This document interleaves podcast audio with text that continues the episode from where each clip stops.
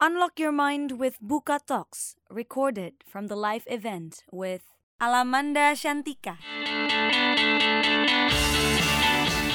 Karena kalau kita sendiri nggak selamat, ya kita nggak bisa ngebantuin banyak orang.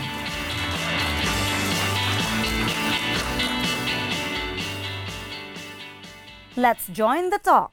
Oke, malam ini pertama kali mungkin saya akan ngomongin tentang Binar Academy juga. Malam ini saya nggak pakai slide tumben karena uh, The Art of Building New Venture. Saya baru bikin last company like two months. We started the design the company since January I think, and we just launched uh, the academy on February March. Jadi kayak dari pertama kali ideation sampai company-nya buka itu cuma dalam waktu satu bulan. Nah makanya hari-hari saya terakhir-terakhir ini tidurnya cuma tiga jam makanya mata agak-agak hitam. Tapi begitulah kehidupan di startup, begitulah kehidupan memulai sebuah startup kayak waktu saya mulai Gojek juga itu saya uh, bangun tuh jam 6 pagi, tidur jam 4 pagi. Kenapa bangun jam 6 pagi? Karena waktu itu call centernya Gojek nggak 24 jam. Jadi uh, call centernya Gojek itu buka jam 6 pagi, saya ngedeploy aplikasi yang baru itu jam 4 pagi. Setiap jam 6 pagi servernya error. Jadi tidur 2 jam sampai sekarang tuh jam 6 pagi biasanya uh, tanpa alarm saya udah kebangun karena kebiasaan gitu. Oke, okay, uh, mungkin cerita sedikit mungkin ada yang belum tahu uh, background saya.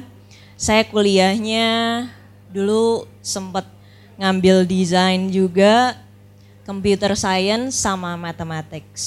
Jadi dari kecil saya umur 13 tahun, saya mulai coding, saya mulai desain juga di di komputer zaman itu karena waktu kecil ini ada kakak saya kayaknya. This is the first time he coming. Oh ini she come.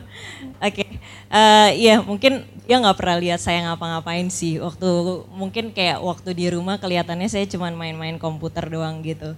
Jadi uh, waktu itu emang waktu kecil kita berdua sebenarnya suka gambar. Kakak saya sebenarnya lebih pintar gambar sih dibanding saya. Saya ikut doang sebenarnya. Uh, waktu itu ibu saya juga pernah ngajarin kita kayak gambar di kanvas gitu. Sampai ya akhirnya ada sisi artsinya sedikit lah ya. Uh, dan sisi matematiknya, sisi left brainnya itu karena bapak saya ngajarin saya tambah-tambahan ratusan tuh dari umur 4 tahun waktu itu. Jadi kalau bisa dibilang memang otak saya setengah-setengah kerjanya. Jadi enaknya sebenarnya I can do everything that I want. Except cari pacar soalnya masih jomblo. Biasa promosi jadi jadi ceritanya gitu, uh, waktu kecil saya suka art juga, saya sama saya belajar piano juga, sempat uh, les biola juga. Terakhir saya sempat explore saxophone. Jadi memang uh, setengah-setengah. Kemudian pas saya ngedesain, waktu zaman dulu pertama kenal komputer, Terus uh, saya harus ngerubah desain saya ini waktu itu kita saya desain website, saya harus ngerubah desain saya ini ke coding gitu kan ya. Karena harus jadi website gitu. Waktu itu website narsis lah ya, website saya sendiri karena saya suka juga. Jadi waktu itu website saya isinya tulisan-tulisan puisi-puisi saya. Kemudian ya akhirnya saya belajar coding itu dari sepupu saya kebetulan waktu itu dia dari London terus dia sempat kayak liburan di Indonesia tiga minggu. Akhirnya di situ saya belajar sama dia gitu. Karena mungkin waktu jam uh, itu sekitar 15 tahun yang lalu ya, belum belum begitu banyak di Indonesia source untuk belajar coding gitu kan.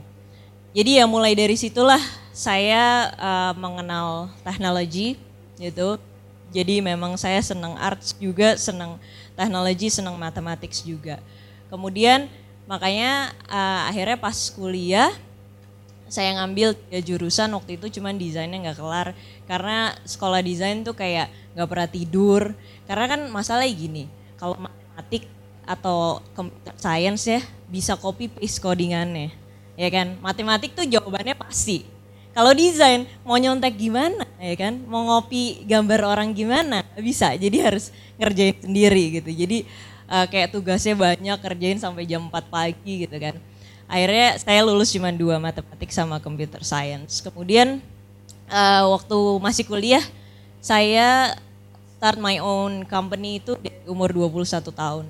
Waktu itu uh, company saya bikin website untuk zaman dulu e-commerce belum begitu booming uh, kita bikin 200 website dalam waktu tiga tahun kemudian ya saya pindah ke uh, saya ikut orang kerja sama orang saya pindah ke software house kecil, kemudian saya ke berrybenka.com.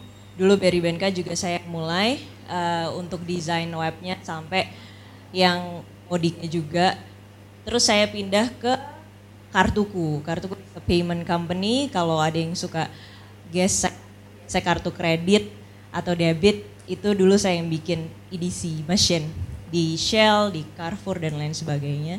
Kemudian di situlah saya ketemu bapak CEO-nya uh, Jack Nadim Makarim. Nah karena Nadim tahu ya saya bisa coding, akhirnya dia ngajak saya. Jadi waktu pertama kali masuk Gojek itu saya yang buat appnya, uh, desain appnya, manage timnya juga, sampai masih coding juga karena waktu itu tim kita cuma empat orang gitu. Sampai terakhir saya di Gojek uh, tim saya sekitar 100 lebih orang lah ya gitu. Isinya engineer semua geek semua gitu kan. Sama desainernya cuma enam orang gitu. Nah jadi balik lagi mengenai uh, apa namanya ini kan temanya bagus banget ya. Temanya when art meet meet science gitu. Ke kebalik ya? When science meet arts gitu ya. Jadi yang tadi saya bilang sih gitu senangnya apa ya? Senangnya saya bisa bisa berbagai macam hal gitu. Dan plusnya adalah yang pertama kalau jadi programmer biasanya uh, programmer itu nggak ada jiwa seninya ya kan? Biasanya kayak ngerjain bikin aplikasi tuh semaunya dia contohnya kayak naruh button aja tuh button cancel sama confirm kalau warnanya kebalik itu jadi fatal, ya kan? Kalau button confirm warnanya merah, orang itu otomatis berpikir apa? Danger. Dia nggak bakalan ngeklik button itu, gitu. Nah, itu perbedaannya di mana kalau desainer itu bisa lebih mikir ke arah sana gitu dan desainer itu kan lebih ke arah uh, intuitif ya kan kalau programmer ya lebih logical aja mereka gitu dan enaknya adalah kalau desainer itu kan mereka fokus on what are we building, ya kan? Apa sih yang mau kita bikin? Kalau programmer fokusnya how we are building it. Jadi kalau saya biasanya punya sesuatu feature yang mau saya bangun, terus saya kasih nih ke ke engineer saya, saya bilang, eh gue mau bangun ini, terus mereka bilang, Mbak itu jadinya empat bulan, lu nggak usah bohong, gue tahu kan gue bisa bikinnya gitu kan. gitu, itu salah satunya.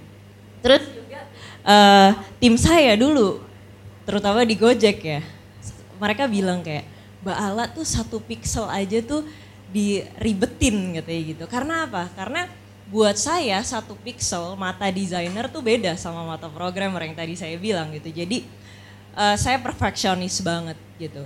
Karena saya bisa melihat dari dua sisi. Ini desainnya udah perfect apa belum? Dari programmingnya juga saya bisa ngelihat itu gampang kok ngeganti kayak gitu. Itu itu enaknya gitu ya.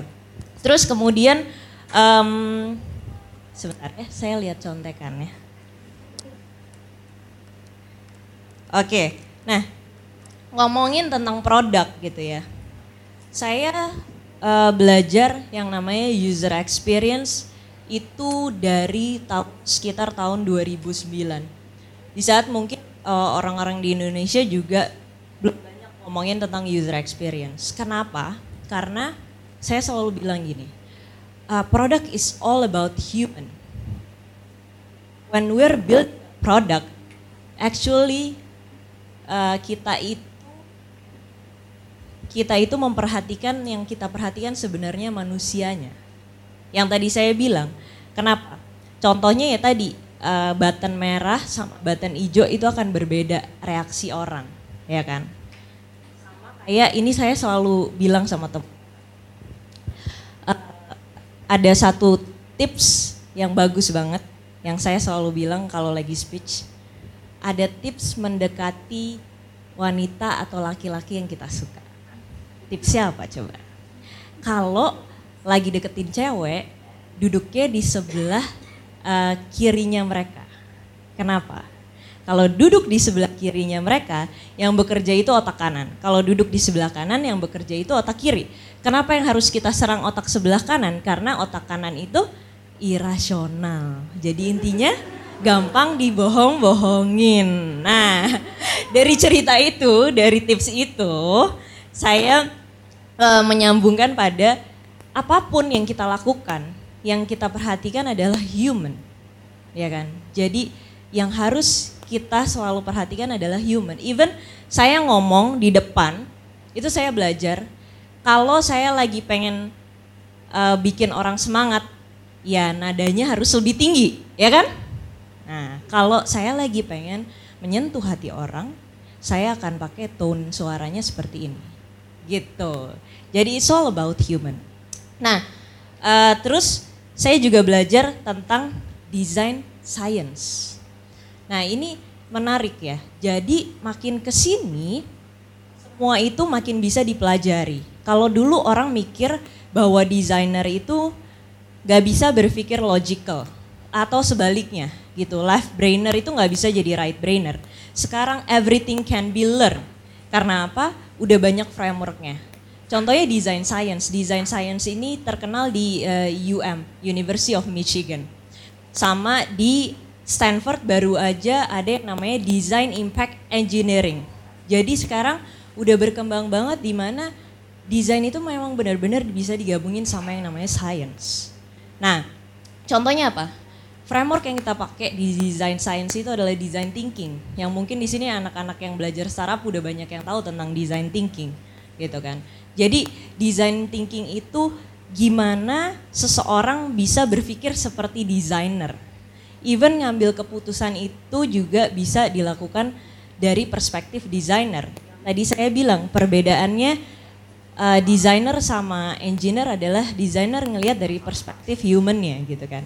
Nah itu uh, itu yang saya pelajarin dan terakhir ini karena waktunya sudah sudah dikit, yang saya pelajarin juga tentang neotic science. Nah neotic science ini uh, baru banget saya temuin juga Kalian tahu nggak? Pernah nonton nggak uh, judul filmnya The, The Man Who Knew Infinity? Yang dia itu nemuin bilangan prima. Jadi namanya Ramanujan, orang India. Dia itu nemuin bilangan prima dan nemuin uh, segala teori matematik banyak lah pokoknya. Itu dia tuh kayak tiba-tiba dapat uh, apa ya? Tiba-tiba kayak dapat ilham gitu lah.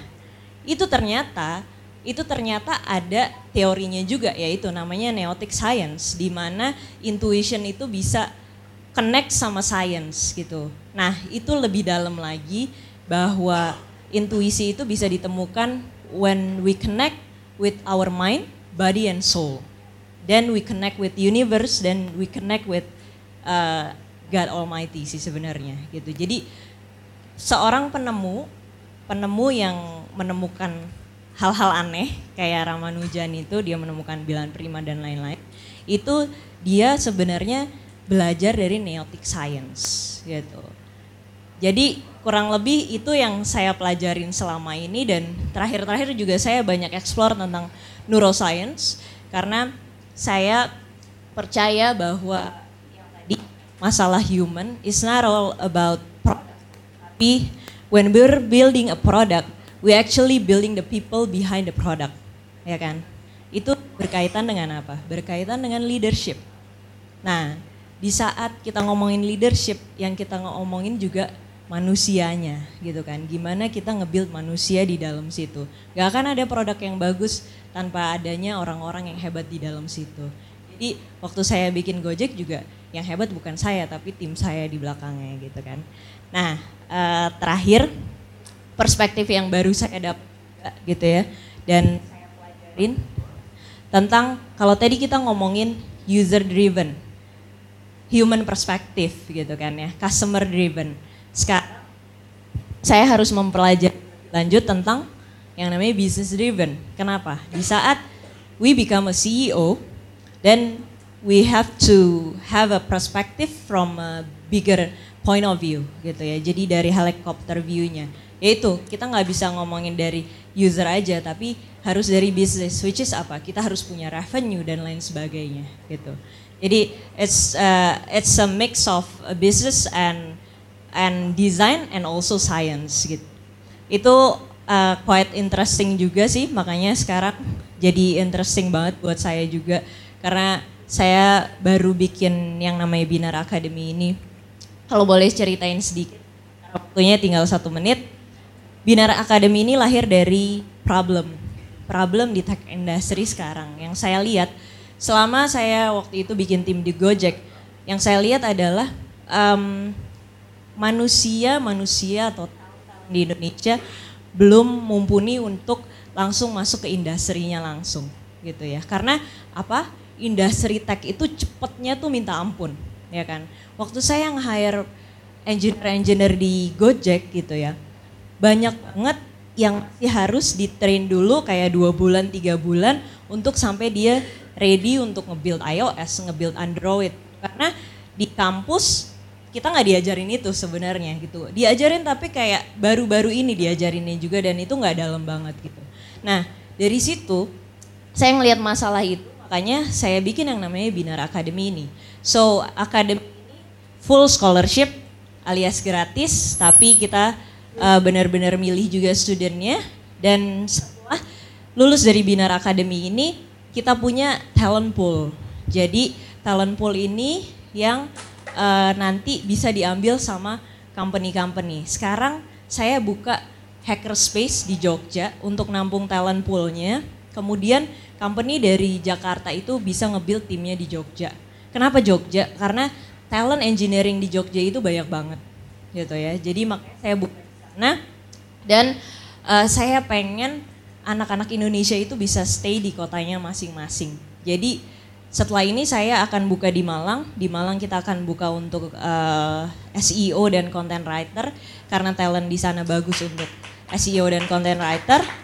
Jadi bayangkan nanti saya akan keliling semua uh, semua kota di Indonesia supaya saya akan ngelihat talent di kota A itu bagusnya di mana gitu kan. Jadi saya pengen anak-anak Indonesia membangun kotanya masing-masing dan ekonomi di setiap kota di Indonesia itu terbangun dengan dan tahun ketiga mudah-mudahan kita udah aiming kita punya campus sendiri di Jogja. Karena Jogja kan kota pertama kita pengen nge-build di situ kita nge-build schoolnya di situ kita nge-build kampusnya di situ kita nge-build uh, hotelnya di situ gitu kan ya. Supaya orang-orang yang Jakarta harus traveling ke sana bisa stay di tempat kita. Dan kita juga membangun daerah sekitarnya dengan kita kasih penyuluhan-penyuluhan tentang bisnis supaya ibu-ibu di sekitar daerah situ bisa ngebuka bisnis, bisa ngebuka kantin di kampus kita dan kita buka kelas sore juga buat anak-anak kecil di daerah sekitarnya yang kita akan bantu mereka untuk ngerjain PR, untuk kita bukain library dan sebagainya. Itu akan kita lakukan di setiap kota di Indonesia. Karena saya terinspirasi dari Bu Risma. Terakhir Desember saya bisa ketemu Bu Risma, terus saya ngobrol sama dia, kayak dia nyeritain gimana dia ngebangun kota-kota di, eh, ngebangun Surabaya. Jadi saya terinspirasi untuk membangun kota-kota di Indonesia gitu ceritanya. Dan dan uh, Binar Akademinya sendiri itu adalah platform. Jadi uh, Binar Akademi ini nanti mentornya bukan dari Binar, tapi mentor mentornya itu bisa ngambil license dari Binar. Jadi di Binar Binar punyanya master. Master ini yang akan menghasilkan mentor-mentor baru. Even orang-orang yang ada di Bukalapak misal engineer yang ada di Bukalapak, mereka yang eager to share their knowledge, mereka bisa jadi mentornya Binar. So it's a platform uh, yang menemukan antara mentor, student sama sama ini ya co-working karena kita akan um, keliling Indonesia kita akan maksudnya mentor-mentor itu bisa ngajar di mana pun mereka mau. Jadi kayak seluruh kota Indonesia mudah-mudahan punya mentor. Jadi mereka bisa belajar, student-student kita belajar di mana aja gitu kira-kira. Dan um, it's fully funded by me karena kemarin saya baru cash out share saya di Gojek. Terus kayak uh, oke okay, uh, saya bakalan share ini back to the society gitu ya. Makanya sekolah kita gratis juga gitu. Karena at the end saya pelajarin terutama waktu di Gojek uh, ternyata bahagia itu bukan punya kita sendiri. Saya sadar banget waktu pertama kali ngelihat driver Gojek di jalanan, make driver app yang saya bikin walaupun sampai nggak tidur tidur gitu ya, sampai mata udah kayak apa gitu ya. Tapi bahagian sendiri ngelihat mereka, sayain mereka senangnya dari hasil karya yang saya bikin gitu. Jadi uh, apa ya? Jadi saya ngerasa benar-benar iya bahagia tuh bukan kita punya sendiri dan kalau ditanya hal pertama yang harus kita tahu adalah siapa sih diri kita gitu ya. Kalau kita sadar we are the light of ourselves and other people's life gitu ya. Jadi uh, kita itu ada di dunia untuk menerangi orang lain dan menerangi diri sendiri gitu. Jadi jangan disimpan sendiri kebahagiaan gitu ya, dibagi sama orang lain. Karena kalau kita driven by purpose akan beda rasanya. Waktu saya kerja di Gojek, setiap pagi yang saya pikirin bukannya saya dapat gaji gitu kan. Yang saya pikirin adalah gila ya, ada 250 ribu orang di luar sana yang setiap hari nungguin saya untuk bikin Gojek lebih bagus gitu kan waktu kalau waktu server kita sering mati itu yang saya sedihin tuh yang saya pikirin adalah mbak-mbak di sana ya ada satu driver namanya Mbak Pipit kalau server mati tuh dia sering WhatsApp saya langsung dia nanya kayak Bala kapan uh, servernya nyala lagi saya udah dua jam nih nungguin order nggak masuk masuk yang saya bayangin adalah mereka panas-panasan pakai jaket itu gitu kan ya. Mungkin mereka bisa dalam dua jam dapat 20 ribu, it means a lot for them gitu kan. Jadi yang saya lakukan bukan untuk memperkaya Gojeknya, tapi untuk membantu kehidupan mereka gitu. Jadi itu yang salah satu uh, turning point in my life gitu ya. Jadi saya lihat bahwa sukses itu bukan bukan tentang kita tuh naik jabatan terus gitu ya. Bukan tentang kita bahagia diri tapi sukses itu ketika kita bisa ngebantuin banyak orang gitu. Makanya uh, saya sekarang belajar mendalami tentang social business di mana kalau social business itu kita itu KPI-nya dua. Yang pertama jumlah orang yang kita bantu dan revenue gitu. Karena apa? Karena kalau kita sendiri nggak selamat, ya kita nggak bisa ngebantuin banyak orang makin kita kaya tuh makin kita bisa banyak bantuin orang tapi uh, tujuannya jangan karena kita mau kaya gitu justru kebalik tujuannya diganti dulu saya mau bantuin banyak orang dulu baru abis itu kita uang akan datang sendiri ke kita gitu. Itu aja dari saya mungkin terima kasih banyak. Buka aja buka lapak